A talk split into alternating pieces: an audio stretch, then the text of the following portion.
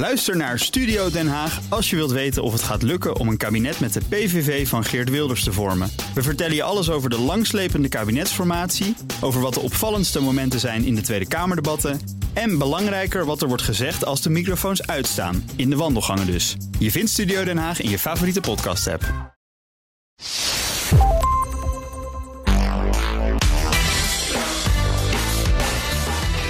Welkom bij de Ben Tichelaar podcast, de podcast voor persoonlijke en professionele groei.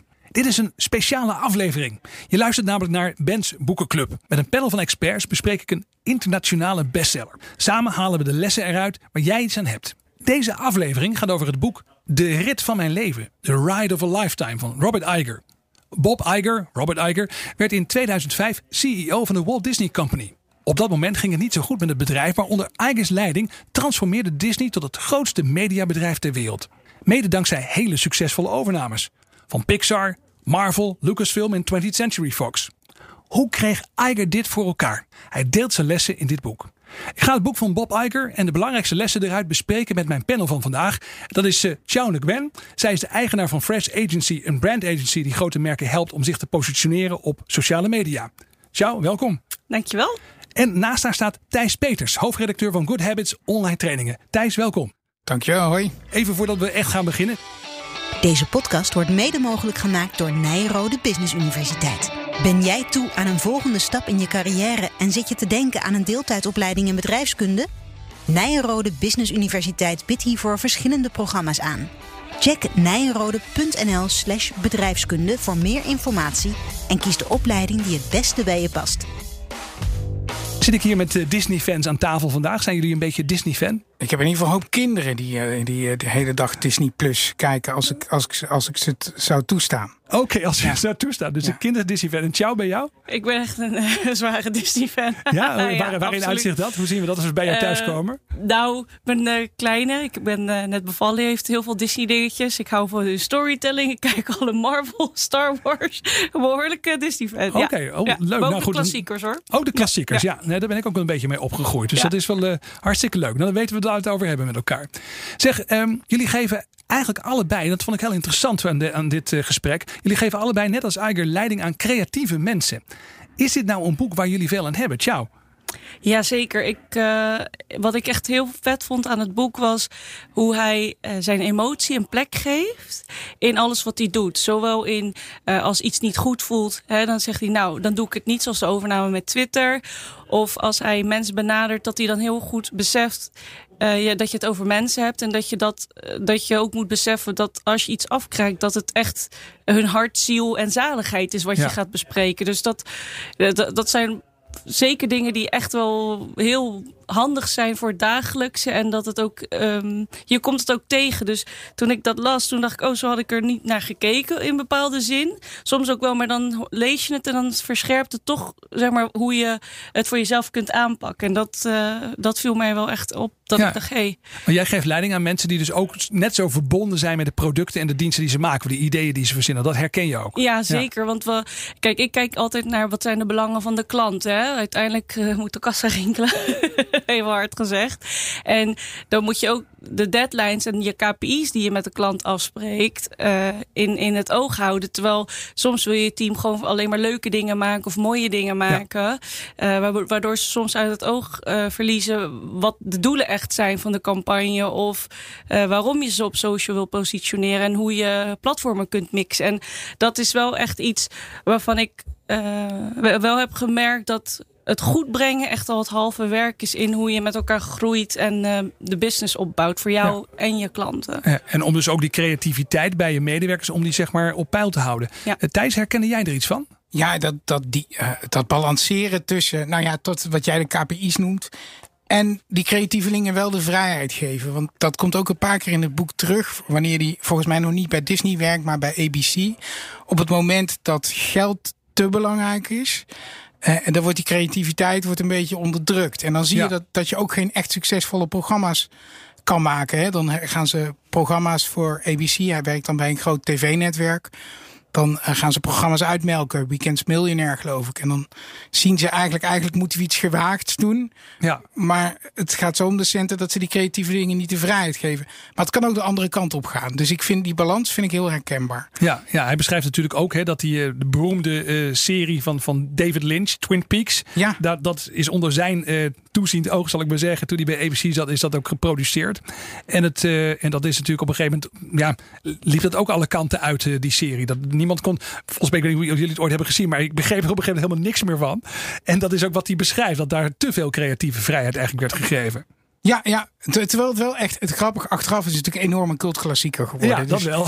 Ja, ja zeker. Ja. Ik, ik ken grappig. het niet. Dus ik, nee, dat is zo. Dan moet, je, dan moet je nog even weer gaan kijken. Tjou. Tussen alle Disney dingetjes door uh, is dat misschien wel een goed idee. nog weer uh, dingetjes te ja, ja. Um, maar goed, wel heel erg leuk dus. Um, dat evenwicht proberen te bewaren tussen aan de ene kant sturen op uh, omzet, uh, nou ja, ook de, de businesskant. En dan aan de andere kant echt de creativiteit van mensen koesteren. En dat is natuurlijk in steeds meer bedrijven is het echt belangrijk. Uh, kun je een voorbeeld noemen uit het boek of misschien een les uit het boek waarvan je zegt, nou, dat heeft echt veel indruk op me gemaakt. Dat kan ik echt praktisch toepassen. Ja, wat, ik vond het heel erg indrukwekkend hoe hij uh, Pixar benaderde ten opzichte van zijn voorganger, Michael. Die, ja, dat was Michael Eisner, hè, die wilde eigenlijk ja. Pixar al graag overnemen. Dat was al een succesvolle animatiestudio en dat is niet gelukt onder Michael Eisner. En toen kwam, toen kwam dus Bob Iger. Ja. Vertel eens, hoe ging dat? Nou ja, Bob die had natuurlijk een beetje een associatie met Michael. En uh, toen hij dat uh, over wilde nemen, ja, dan had, hij eigenlijk 3-0 achterstand. Maar ik vond zijn aanpak om echt naar uh, dat creatieve veld te gaan, een rondleiding te hebben, te, aan te vragen, echt te luisteren naar de mensen en te kijken en ook gewoon eerlijk te kijken. Hè, van, jeetje, zij, hebben best wel veel dingen die wij niet hebben. Uh, en hoe kunnen wij dit combineren en het gesprek aangaan. En ook echt heel goed beseffen dat die. Is wat, je, wat uh, Thijs ook net zegt. Weet je, hij beseft heel goed dat je mensen in hun kracht moet laten staan en behouden. En dat, hoe die dat dan meeneemt naar het entertainmentstukje van Disney, wat eigenlijk al helemaal niet meer zo goed liep. Dat vond ik wel. dat vind ik gewaagd, omdat het ik denk dat dat lastig is om zo eerlijk te durven kijken van ja. shit, ik zie hier iets wat ik eigenlijk niet heb. En hoe ga ik dat dan meenemen? Hoe, hoe gaat dat zich uit als ik het straks uh, voor mijn eigen team toe ga passen? En hoe kunnen we dat meenemen? Dat vond ik wel heel erg um, mooi, omdat ik dat. Ik vind dat best wel gewaagd leadership voor zo'n groot bedrijf om dat te durven toe te geven en dat ook te proberen te implementeren. Ja, ja. Ik denk ook dat het voor hem heeft gewerkt voor de hele overname. Dat hij daar zo echt. Uh, voor stond van hé, hey, we moeten de cultuur behouden. Ja, ik, Thijs, ik ga zo meteen jou natuurlijk ook vragen wat jouw belangrijkste lessen zijn. Maar herken je dit, dat verhaal over die fusies en overnames, hoe die dat aanpakte? Ik, ik, ja, en ik, wat ik heel mooi vond is dat hij dus, uh, als ik met een project, de meeste mensen met een project bezig zijn, de leiders van de bedrijven, zijn ze met hun eigen belangen bezig. En hij kijkt heel erg wat wil de ander? En niet zozeer wat wil ik eruit hebben, maar wat zou de ander eruit kunnen krijgen? Uh, Pixar was natuurlijk was het kindje van Steve Jobs, ook ja. van Apple. En hij is heel erg gaan kijken wat wil Jobs eruit, maar ook wat willen volgens mij Jonathan Lesnar, maar de, de twee mannen van Pixar. Oh ja, Lasseter, ja, precies. Lasseter, de, ja, de ja. twee creatievelingen. Hè, dat, Ja. dat zijn, ging je Ja. naar de studio. En uh, daar wist hij de, ook de snaar te raken. En hij wist ook wel, ik kom van Disney. Dat is iedereen's jeugddroom, hè? ook Ja. de onze. Ja, als, ik, als ik dan kan zeggen van, hé, hey, uh, ik ga jullie misschien wel aan het hoofd van Disney Animation zetten. Toen waren ze ook wel verkocht. Maar hij doet het later nog een keer met George Lucas. Want dan gaan ze uh, Star Wars overnemen. Ja. En dan weer kijkt hij, wat betekent dit bedrijf voor George? En wat kan ik George bieden? In plaats van, wat wil ik graag hebben? En ik, Ik kan me voorstellen, dat, heel betalen. ja, precies. Ik kan me voorstellen dat heel veel mensen die met fusies en overnames bezig zijn, ook misschien wel bang zijn om dit te doen. Dat ze bang zijn dat het misschien de prijs opdrijft. Het grappige is natuurlijk ook, Disney was echt wel de bovenliggende partij. Die, die legde het geld op tafel om die bedrijven over te nemen. En toch nam hij die moeite. Hè. Hij, hij beschrijft ook, eh, dat was, eh, hoe heet die man ook alweer? De Ike Perlmutter. Dat was de, de, de baas van Marvel. Wilde die natuurlijk ook graag inlijven. Dat hij dan zonder delegatie in zijn eentje eh, op het vliegtuig stapt van Los Angeles eh, naar New York vliegt. Om dan in zijn eentje gewoon eerst maar eens even te gaan praten. Gewoon een normaal gesprek van mens tot mens te hebben op het hoofdkantoor van, van Marvel daar in New York. Om eerst eens maar zijn goede wil ook en zijn respect te, te tonen. Dat kwam ook een paar keer terug. Hè? Dat hij echt het respect wilde laten zien wat hij had voor die bedrijven van die mensen. Ja, mooi, mooie voorbeelden. Hey, eh, nog even andere voorbeelden uit het boek. Thijs, als ik aan jou vraag, wat, wat is nou iets wat jij eruit haalt waarvan je zegt, nou, ja, waardevolle les of een mooi voorbeeld? Dus mag ik twee dingen noemen? Een, Ja, twee een mag ook, heel ja. praktisch dingetje. Wat, ik, ik denk, hé, dat moet ik ook. Ik doe het niet helemaal zoals Bob Iger doet. Die staat elke dag om kwart over vier op. Ja. Want dan heeft hij Dat was wel een bizar onderdeel van zijn verhaal. Hè? Dat Ja. hij echt 's morgens zo vroeg altijd opstond. Ja. Maar heeft hij 2,5 uur om al zijn eh, eh, eh, dingen weg te werken. En Ja. daarna vult de dag zich met vergaderingen. Nou, jij zal het ook wel kennen. Als je tegen je zit de hele dag in teammeetings. En ik heb nu ook mijn agenda tot, tot 10 uur. Wil ik hem nou schoon hebben? Dan kan ik eerst twee uurtjes al die dingen uit van mijn takenlijst afwerken. Dus ik dacht, hé, dat is een goede tip. Wat ik wel heel in hem bewonderde, is dat hij zijn eigen ego zo goed opzij kan zetten. Ja. Dus ehm, hij. eh, nou, ik, het, het vind- op een gegeven moment wil hij CEO van Disney worden. En dan moet hij op sollicitatiegesprek bij de huidige boord. Hij is al de tweede man. Hij is een beetje besmet, want Michael Eisner, de, de man die gaat vertrekken. Ja. Iedereen denkt, nou, jij bent zijn hulpje. Je bent tien jaar heb je met die man gewerkt, dus we willen je eigenlijk niet. En door alsmaar zijn emotie in bedwang te zetten, eh, eh, antwoorden te geven, rustig te blijven, eh, lukt het hem uiteindelijk toch. Hij, Eén keer wordt hij boos. ja. Dan vond hij dat het te lang duurde, hè, geloof ik. Ja, en toen werd hij echt boos. Want hij voor de zesde keer kreeg hij dezelfde vragen. Toen was hij helemaal zat. En je ziet dat hij zich daar echt bijna naar zichzelf toe heel erg schuldig over voelt. Eh, maar ik, ik vond juist eigenlijk uit het boek spreken... Jee, wat is het knap dat je zo ontzettend bereid bent... om elke keer je ego even te parkeren. Ja. En, eh, Hij schrijft ook, te- hij heeft, een hele hoop, hij heeft een hele hoop lessen ook achter in het boek staan. Hè? Dat is echt bizar. 44 leiderschapslessen. En het, dat laat ook natuurlijk wel een beetje zien dat er heel veel verschillende dingen nodig zijn om een goede leider te zijn. Maar wat ik toch wel opmerkelijk ook vond, is, is dat een van die regels is dan wees aardig tegen mensen. Hè? Behandel iedereen rechtvaardig en met empathie. Dus dat vindt hij echt heel belangrijk. Dat je gewoon vriendelijk en aardig bent tegen mensen. Is dat iets waarvan jullie zeggen, nou dat, dat verbaast me? Of uh, ciao? Nou, het verbaast me wel, maar ik denk wel dat dat leadership of the future is. Als je kijkt naar hoe snel de wereld gaat, hoe alles uh, verandert. Dat je, je komt niet alleen maar met een machtspositie meer tot een, tot een overeenstemming met partijen die je wil hebben. Ja. En ik vind dat, dat vond ik super inspirerend. Want ik dacht, zo'n grote man die zoveel voor elkaar krijgt. Omdat hij, uh, wat hij zegt, zijn ego wegcijferde, maar ook um, het stukje mens heel erg naar voren bracht. Ja, ja. Hij zegt ook, hij is op een gegeven moment is hij groot geworden binnen ABC. En heeft hij allerlei productiewerk gedaan. En heeft hij gewerkt met een van de hele beroemde uh, producer van sportprogramma's, Roon Arledge. En dan zegt hij op een gegeven moment zegt hij ook dat uh, toen ik terugkeek op die periode, zegt hij, zag ik in dat we een groot deel van wat we voor elkaar kregen ook in een veel betere werksfeer hadden kunnen presteren. Ja. Hij schrijft ook over, het moest altijd op het laatste moment helemaal over. Mensen werden echt wel een beetje weggezet of gekleineerd vaak. Een beetje zo'n sfeer van een soort creatief opperhoofd die iedereen zeg maar de maat neemt. En hij heeft ook wel geleerd dat het dus heel anders zou kunnen. Ja, ik vond dat ook wel heel mooi. Thijs, zijn er nog andere lessen of andere dingen die we moeten meenemen als we dit boek uh, bespreken? Ja, wat, wat ik ook wel heel aardig vond. Hij is dus begonnen bij die tv onder die meneer Roon, heet hij of Rooney? Ja, Roon is zijn voornaam, Roon Arledge geloof Roon ik. Arledge, ja. ja. En dat is een hele, zo'n een, een, een micromanager puur zang. Ja. Stuurde op alle details, kon op de laatste dag alles overhoop gooien. We doen het helemaal anders. Ik, ik moest denken aan John de Mol toen ik dat las. Die dat ook doet. Hè? Die op het laatste moment gewoon zeggen. Nou, die kleur in het decor. Dat moet helemaal anders. Gewoon oh, een, een dag niet. voor de finale van Idols of zo. Weet je wel? Ja. ja dus, dus waarschijnlijk een onmogelijke baas om mee te werken. Maar ik, ik, denk, ik denk dat we naast dat nieuwe leiderschap. dat de oude ook wel zou blijven. Mensen die briljant zijn. Steve Jobs zit heel veel in dit boek. Dat is natuurlijk ook niet de makkelijkste man nee, geweest. Nee. En, en toch, mensen volgen ook mensen die fantastische dingen kunnen doen. Dus dat, uh, uh, maar dat is een beetje een zijpaadje. Maar uh, hij, hij worstelt zelf tussen ook micromanager. Hij neemt op een gegeven moment een nieuwe baas aan voor Marvel Studios. En, en dan zegt hij tegen die man: Ja, ik wil je heel graag hebben, maar let op, je krijgt van mij niet volledige autonomie. Ik ga me ook met dingen bemoeien. Aan de andere kant heeft hij ook vaak: dit is, uh, dan, hij wordt CEO bij Disney. En dan heb je de afdeling Strategy and Planning. Oh ja, ja. En die hebben door uh, Michael Eisner, zijn voorganger, hebben die alle macht gehad. Ja, een soort interne McKinsey was dat, hè, geloof ik. Ja, die alles uh, op het gebied van strategie zeg maar, uitwerkte voor de business units. Ja, dus, dus uh, Ben, je hebt een plan voor een hele mooie tekenfilm. En met een hertje. En nou, wordt vast een heel groot succes. En een moeder. Een moeder die en een moeder, ja, precies. Ja. Heel, heel zielig. En een vader die doodgeschoten wordt. Fantastisch plan. Maar daar kon je dan, uh, moest je dan wachten tot de afdeling Strategic en Planning dat helemaal doorgerekend had. En dat uh, goedkeurde. En wat hij zag is dat er een soort apathie En, en uh, uh, onder die managers in, in, al, in die hele organisatie begon te ontstaan. Omdat nou, ze hadden, uh, hun autonomie was afgenomen. En hij ja. ziet dus ook weer, behalve dat micromanaging wordt onderschat. Trouwens, een uitspraak van Michael Eisner himself in het boek. Maar dat, hij ziet ook dat dat micromanagen de andere kant is. Je moet mensen wel een autonomie gunnen. Want anders. Dus het is een voortdurende spanning hè, waar je dan ja. mee te maken hebt. Dus aan de ene kant mensen die, die creatieve, wat we in het begin ook al zeiden, die creatieve ruimte en inspiratie bieden. En aan de andere kant wel zorgen dat mensen, nou ja, een beetje binnen de financiële lijntjes blijven rijden. Ja.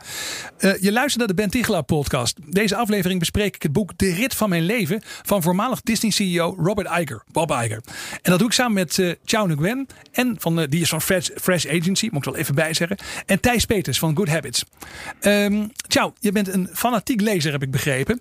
Uh, dit boek van Bob Iger, zou dat in jouw persoonlijke top 10 komen? Jazeker. Ja, oké, okay, serieus. Ik vond hem ja? echt super lekker weglezen. En ik had heel eerlijk gezegd een heel andere verwachting van het managementboek, zeg maar. Of tenminste, lessen die je eruit zou moeten lezen, uh, ja. halen. En ik vond het heel anders lezen. En ik, ik pakte allemaal kleine nutjes op waarvan ik dacht, hè, zo had ik het niet bekeken. Of toch hele praktische dingen. Want ik, sommige mensen zijn bijvoorbeeld ook van mening dat het boek voor grote CEO's of grote bazen met grote organisaties alleen heel nuttig uh, is. Of ja, dat dat werkbaarder ja. is. Ik, wij zijn helemaal niet zo heel groot. Maar ik denk wel dat leiderschap, hoe groot je bedrijf ook is, om in heel veel uh, kleine dingetjes zitten die het maken tot, tot iets groots en iets ja. goeds. En ik vind dat hij dat heel erg doet in voorbeelden die hij geeft. De praktische kleine aantekeningetjes tussendoor. Zoals dat hij... Uh, ja, dat voorbeeld, hij, leuk. Ja. ja. dat hij doordringt van nou, we moeten toch diverser gaan zijn. En dat hij breekt met alle wetten van Hollywood door Black Panther um, te maken. Die ja. volledig goed wordt uh, uitgedacht door mensen die daar uh, echt veel dichterbij staan. Want dat is bijvoorbeeld de reden waarom Mulan niet zo heel goed is gelukt. Heeft hij okay. niet over in het boek. Overigens, maar Mulan is best wel een flop wat dat betreft. Omdat uh, de culturele aspecten niet goed zijn meegenomen. Oké, okay, oh, dat wist ik helemaal ja, niet. Dus als je zelf. Mulan is heel erg bekritiseerd daardoor. Want Black Panther was zo'n. Weet je wel, zelfs, zelfs de tribal uniforms, alles klopte. En, ja. en dat was echt Wakanda forever. Zo gingen mensen de bioscoop uit, zeg maar. En uh, ik, ik, dat vind ik wel echt heel erg tof. En dat, uh, dat, dat spreekt gewoon al, al, die kleine nutjes in dat boek. Dat, uh, dat ja, komt zeker wel in de top 10 daardoor. Ja. Mooi, maar ook weer opnieuw een teken van respect voor iemand anders cultuur. Of voor, ja. ja. precies, mensen van een andere culturele achtergrond. Ja. Zeg Thijs, jij hebt zelf ook een eigen boeken uh, uh, podcast, de Business Books podcast. Dus je leest leiderschapsboeken bij de vleet, zou je kunnen ja, zeggen. heel veel. Ja, hoe onderscheidt dit boek zich nou van andere? Uh, ik, ik, heb, ik, ik zou eigenlijk twee top tientjes kunnen maken. Je hebt, ja. je hebt bijna romans. Uh, biografieën. Uh, uh, kan er een paar noemen. Bad Blood over Elizabeth Holmes. Als je een keer vakantie wilt okay. doorbrengen. Fantastisch boek over um, corruptie en dingen. Geweldig. Dit heeft wel een beetje dezelfde verhaallijn. Ook omdat hij vaak heel persoonlijk kan zijn. Hè? Ja. Hij geeft ook toe dat hij in zijn auto zit en dan moet hij Steve Jobs bellen om Pixar te kopen. En hij is strontzenuwachtig. Ja. Hij, hij, oh, hij, hij, durft het niet. En we kennen dat allemaal als een nee, dat hij telefoontje tele telefoontjes doen. uitstelt gewoon. Ja. Hè? Dat hij denkt de hele dag al, oh, ik moet toch ik moet eindelijk nu een keer bellen. Ja, ja. Dus je voelt met hem mee, dus het leest echt heel lekker vlot weg. Er zit ook heel veel leuke les in. Het is niet, niet, niet de de meeste lessen die ik gelezen heb de afgelopen jaar. Maar juist die combinatie maken wel dat een, uh, nou, nummertje vier of vijf. Komt okay. hij wel te staan. Omdat van, het, van de boeken die een beetje romanachtig zijn, zal ik maar zeggen. Nee, het, het zit tussen, tussen het businessboek en de roman in. Okay, zeg maar. ja. Dus het, het kan. Uh, je, hebt, je hebt de echte businessverhalen vaak geschreven door, door journalisten. Hè? Dus ja. Who's Done It. En je hebt de echte leerboeken van zo bouw je een bedrijf op. Ook heel interessant, leer je vaak in. is heel di veel uh, dichtheid van leren. Uh, maar deze zit er tussenin. Dat vond ik eigenlijk wel heel, heel erg leuk om te lezen. En, ja. en er blijven ook wel dingen hangen. Dus. Ja, nou ja, nu we dan toch even daar nog kun jij nog iets noemen wat bij jou is blijven hangen? Waarvan je denkt, nou, als we dan toch nog wat lessen hebben, waar, waarom komt hij dan in die, uh, in die top 10 uh, terecht? Hè? Dat vind ik dan wel benieuwd. Wat was nou iets waarvan je ook zegt, ja, dat is ook weer zo'n mooie les, dat pak ik gewoon mee. Dat hij, hoewel hij er niet echt in zoomt, dat hij ook wel tekent hoe zo'n succesvolle carrière ook zijn persoonlijk leven wel raakt. Hè? Hij ja. moet scheiden in het boek van zijn eerste vrouw, waar hij overigens geen kwaad woord over zegt. Maar hij beschrijft het niet uitgebreid. Hij respecteert het, de privacy van zijn kinderen. Ja. Maar ergens lees je ook wel dat hij offers heeft moeten brengen. En dat maakt het boek menselijk. En dat maakt ook dat je denkt, denk ik voor de meeste mensen, oh, ik kan dit eigenlijk ook leren. Ja. Weet je, wel, het is, je moet niet een soort superheld zijn om baas van Disney te zijn. Nee, er zit ook hier en daar echt bescheiden lessen in. En een van de dingen die ik ook heel zelf heel mooi vond. Nou ja, er staan natuurlijk, ik zei al, 44 lessen achterin. Dus je kunt maar te kussen te keur. Maar wat mij echt opviel en wat ook in het verhaal wel terugkomt. Is dat er een soort, soort eh, bescheidenheid eh, eh, zit. eh, ook een stuk geduld in zijn, in zijn loopbaan. Hè?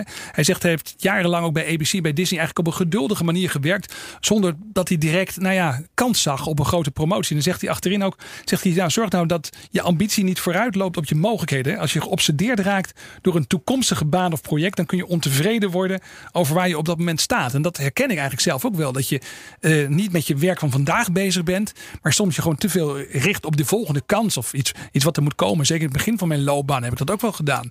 En dat is eigenlijk heel, ja, niet productief. Ik wou dat ik het toen had gelezen eigenlijk, denk ik dan. Ja. Ja, van de andere kant, dat vind ik wel aardig dat je dit aanhaalt. Ergens, hij begint bij Disney en hij wil eigenlijk ook als CEO worden. Dus hij, hij Ja, trapt nee. zelf in die val. Dat beschrijft hij ook. Ja. Hij is ook eigenlijk al meteen bezig. Op het moment dat zijn bedrijf wordt overgenomen, is hij meteen al bezig. Ik wil eigenlijk op die plek van Michael Ja, Eisner. maar hij, hij kijkt natuurlijk ook terug. Hè? Dus misschien heeft hij, zegt hij achteraf: ik had misschien nog wat geduldiger moeten zijn. ja, Ja. Goed, ik zei 44 lessen. Het zijn er zelfs 45, zag ik terwijl ik erin in zat te bladeren. Hey eh, Thijs, ehm, als je. ehm, eh, je bent hoofdredacteur, eh, je bent ook eindredacteur geweest. Je hebt heel veel journalistiek werk gedaan.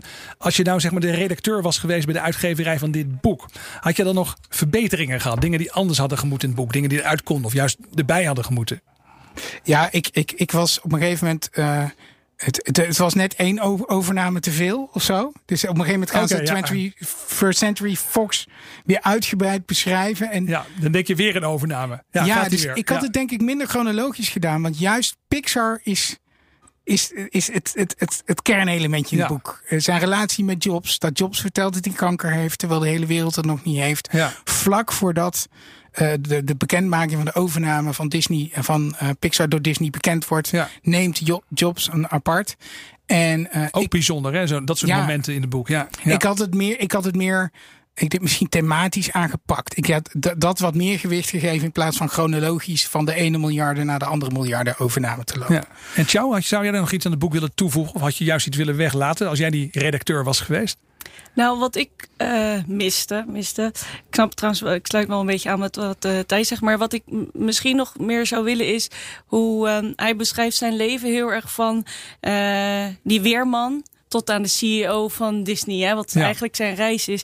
Maar ik vind, eh, wat ik wel een beetje miste was, wat zijn nou die, die praktische takes als manager in het lager segment in plaats van gelijk die board level waar je op zit op de C-level zoals dat Ja. dan eh, wordt genoemd. Hoe ga je er dan mee? eh, Ja, hoe, hoe, hoe navigeer je terwijl je integriteit wilt bewaken? Ja. Een stukje ego niet te groot wil laten zijn. Dat, daar had hij misschien wat meer mee in kunnen delen in plaats. Want het was zo gefocust op de fusies en het groter aankopen Ja. van Disney dan. ehm, ja, hoe, hoe kom je van die weerman naar, de, dat, naar die CEO-positie? Dus Ja. er zitten hartstikke veel stapjes tussen. En ik denk als, als manager heb je daar ook wel veel aan. Want eh, als manager is wel een vak apart. Het is niet iets wat Ja. iedereen goed kan. En nou, eh, ja, hij heeft vast wel zijn. eh Dus eigenlijk ook een beetje het geheim van het succes. Hoe is hij nou ooit daar gekomen waar hij gekomen is? Ja, en, ja, en, dan, precies. en dan, ik denk dat het omgaan met emoties en ego's heel anders is op zijn niveau als je CEO bent. Dan als je misschien eh, nog 50 mannen boven je hebt en daar ook wilt komen. ja. Eh, versus, ja, ik, ik klim omhoog en eh, ik heb ook nog een team voor me, onder me die steeds groter of belangrijker wordt. Had, jij, had dan ook wat van dat. Want dat miste ik ook een beetje. Maar volgens mij bedoel je een beetje hetzelfde ook.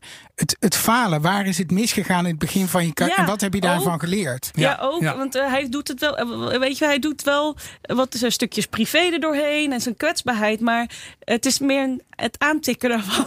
Ja, dat is wel een beetje zo. Dus eigenlijk, Dan- als je het boek zou ja. lezen, denk je het is eigenlijk wel logisch ook dat die CEO van Disney geworden is. hè? eh, Ja. Want hij zegt het ook aan het einde. Hè, van, het lijkt allemaal heel logisch, maar natuurlijk zijn dingen niet zonder voet of Ja. hè, dat het niet helemaal soepel is verlopen. Maar je leest dat niet per se. Ja. Het is nogal een geoliede carrière. Dat blijft toch wel altijd een beetje het probleem met, uh, met businessboeken. Ja. dat je, je leest dit boek natuurlijk omdat hij CEO is geworden van Disney. Er waren ook heel veel mensen die hadden dat ook wel gewild. Maar ja, die hebben geen boeken geschreven. of die hebben misschien wel geschreven, maar die vinden we dan niet interessant om te lezen. Nou ja, goed. Hey, ciao Thijs, ontzettend bedankt uh, voor het uh, bespreken samen met, met mij van de rit van mijn leven. The Ride of a Lifetime van Robert Iger. we zijn alweer aan het einde gekomen van deze podcast. Heb je nou zelf dit boek ook gelezen en je hebt er belangrijke lessen uitgehaald die je graag zou willen delen? Deel ze dan even op Twitter en vermeld dan de hashtags BNR en Ben Tichelaar. Dus delen op Twitter en de hashtag BNR en Ben Tichelaar gebruiken. En mailen kan ook op tichelaar.bnr.nl. Tichelaar.bnr.nl. En dan zorgen wij dat deze ook weer worden gepost. Tot de volgende aflevering.